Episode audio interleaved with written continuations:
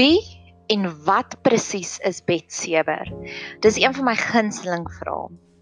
Betseber is 'n Hebreëse naam en Bet beteken huis. Dink aan Bethel, huis van God, dink aan Bethlehem, huis van brood waar Jesus gebore is en Jesus is die brood van lewe. Seber beteken hoop. So ons is 'n huis van hoop vir vrouens. Ons is 'n koesterhuis. Ons is 'n huis waar jy met vrymoedigheid kan gesels oor al jou probleme. Ons is 'n huis wat pleisters opplak op daardie emosionele wonde van jou. Ons is 'n huis wat jou hart verstaan en wat luister na dit wat jy wil sê. Ons is 'n huis wat vir jou aanvaarding gee. Ons is 'n huis wat vir jou laat voel jy is goed genoeg. Daar's 'n storie in die Bybel van Rut en Naomi. Nou Naomi was deur verskeie traumas in haar lewe. Ek wil net gou-gou daar pos en sê, wat is 'n trauma? 'n Trauma, die woord trauma kom van die woord um in Grieks wond af. So dis enige iets wat 'n wond veroorsaak het, 'n emosionele wond. Dis enige iets wat jou lewensomstandighede laat verander het. Dit kan byvoorbeeld wees 'n finansiële verskywing, dalk is jy tans onder finansiële druk, dalk is jy bankrot, Dit kan beteken jy het verhuis, dit kan beteken jou gesinsstruktuur het verander, dalk is jy deur 'n egskeiding, dalk is daar iemand oorlede in jou familie. Dit kan selfs net beteken jou kind gaan volgende jaar na universiteit toe. Dit is ook 'n trauma. Enige iets wat jou lewensomstandighede laat verander in jou normale hanteringsprosedures, hoe jy normaalweg dinge prosesseer wat verander, is gebreek. Dit voel vir jou jy jy's lam daarin. Dan is jy deur 'n trauma. So as ons kyk na die verhaal van Rut en Naomi, het Naomi deur verskeie traumas in haar lewe gegaan. Eerste van alles was daar 'n hongersnood in Bethlehem, Juda. Met ander woorde, hulle het onder finansiële trauma uit hulle gegaan. Hulle het getrek en sy het gebly as 'n vreemdeling. So aan normale omstandighede en ondersteuningsraamwerk is weggevat van haar af. Terwyl sy daar as 'n vreemdeling gebly het in daardie land, het haar man gesterf, nog 'n trauma. En later aan het haar twee seuns ook gesterf, nog 'n trauma.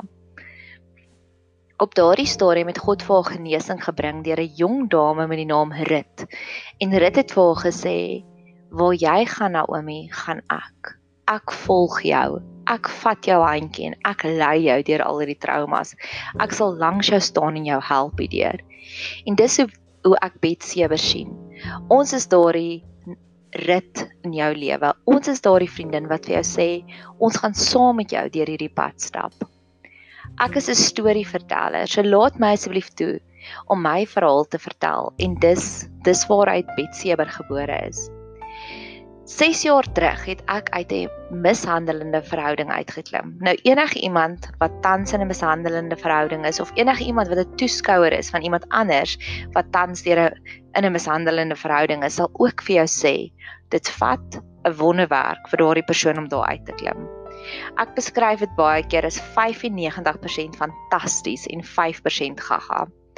Die 95% fantasties is die aandag wat jy ontvang by daardie persoon, die groot romantiese gebare. Jy voel soos die prinses van sy heelal. Frida Kahlo skryf Find somebody that looks at you like you are magic. Jy voel soos magic in daardie persoon se oë. Vir 364 dae van die jaar voel jy jy lewe 'n sprokiesverhaal.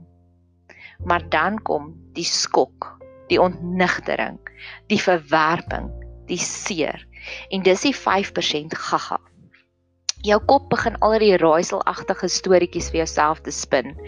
Jy begin jou eie rasionaliteit te begin te betwyfel. Dis waar die sielkundiges die term vandaan kry van gaslighting, waar die slagoffer hulle eie rasionaliteit begin te betwyfel. Hulle begin vir hulle self te sê as ek nou maar net dit reg gedoen het, sou dit nie nou weer gebeur het nie. Dalk volgende keer kan ek alles reg doen en dan sal ek nie weer deur daai trauma gaan nie. Maar ons is immers 'n huis van hoop.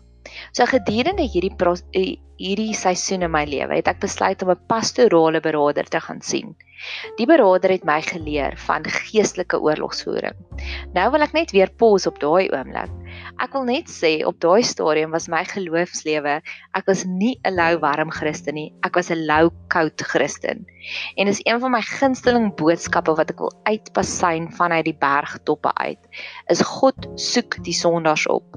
Jesus het immers partytjies gehou saam met die tollenaars en die prostituie. Daar's 'n storieetjie wat sê dat God in Hosea dat God trek ons nader in bande van liefde. En dis juist deur trauma wat ek baie keer al gesien het hoe God ons nader trek. So op daardie stadium met die pastorale beraader my geleer van geestelike oorlogsvoering. In Hebreërs 6 vers 4 staan daar hierdie stukkie dat ons kom tot verligting. Ons het daai epifanie oomblik, ons het daai aha oomblik juis deur hemelse voorsmaakies of smaakies wat God vir ons gee. Geestelike oorlogsvoering was my hemelse smaakie wat ek gekry het. So verbeel jouself jy loop in Pick n Pay en daar's 'n nuwe roomkaas op die op die rakke en iemand bied dit vir jou aan. Dis so ek gevoel het. Vir die eerste keer het my gebede nie teen die plafon verstringel geraak nie. Ek kon 'n daadwerklike onmiddellike verskil ervaar net met een geestelike oorlogsvoering tegniek. Ek het op daardie stadium besluit ek wou eerder van hierdie smaak hê en ek het uitgeklim uit die verhouding uit.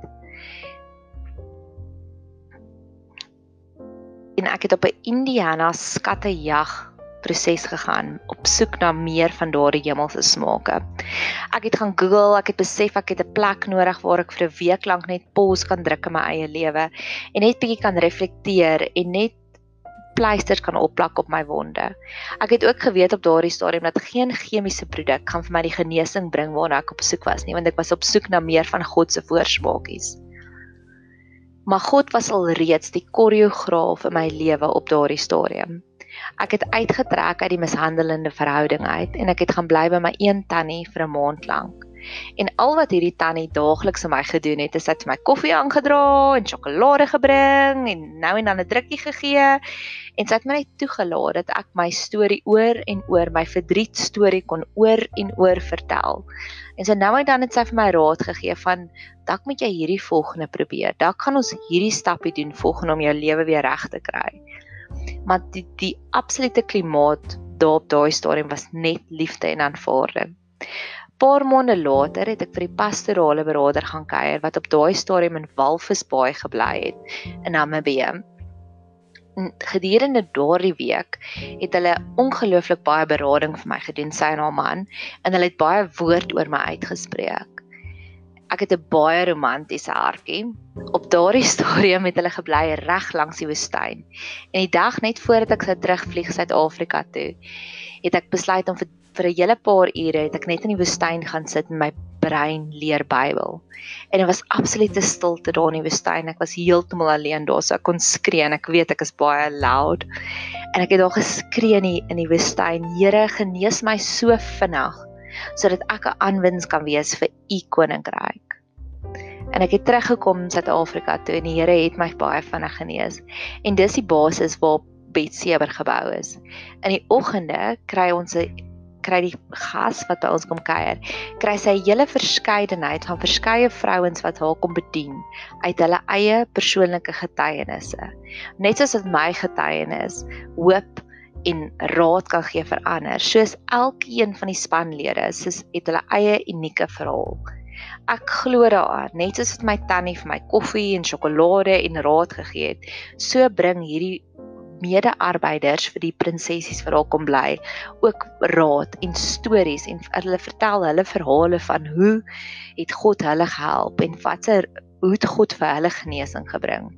Somstyds is dit al wat ons nodig het.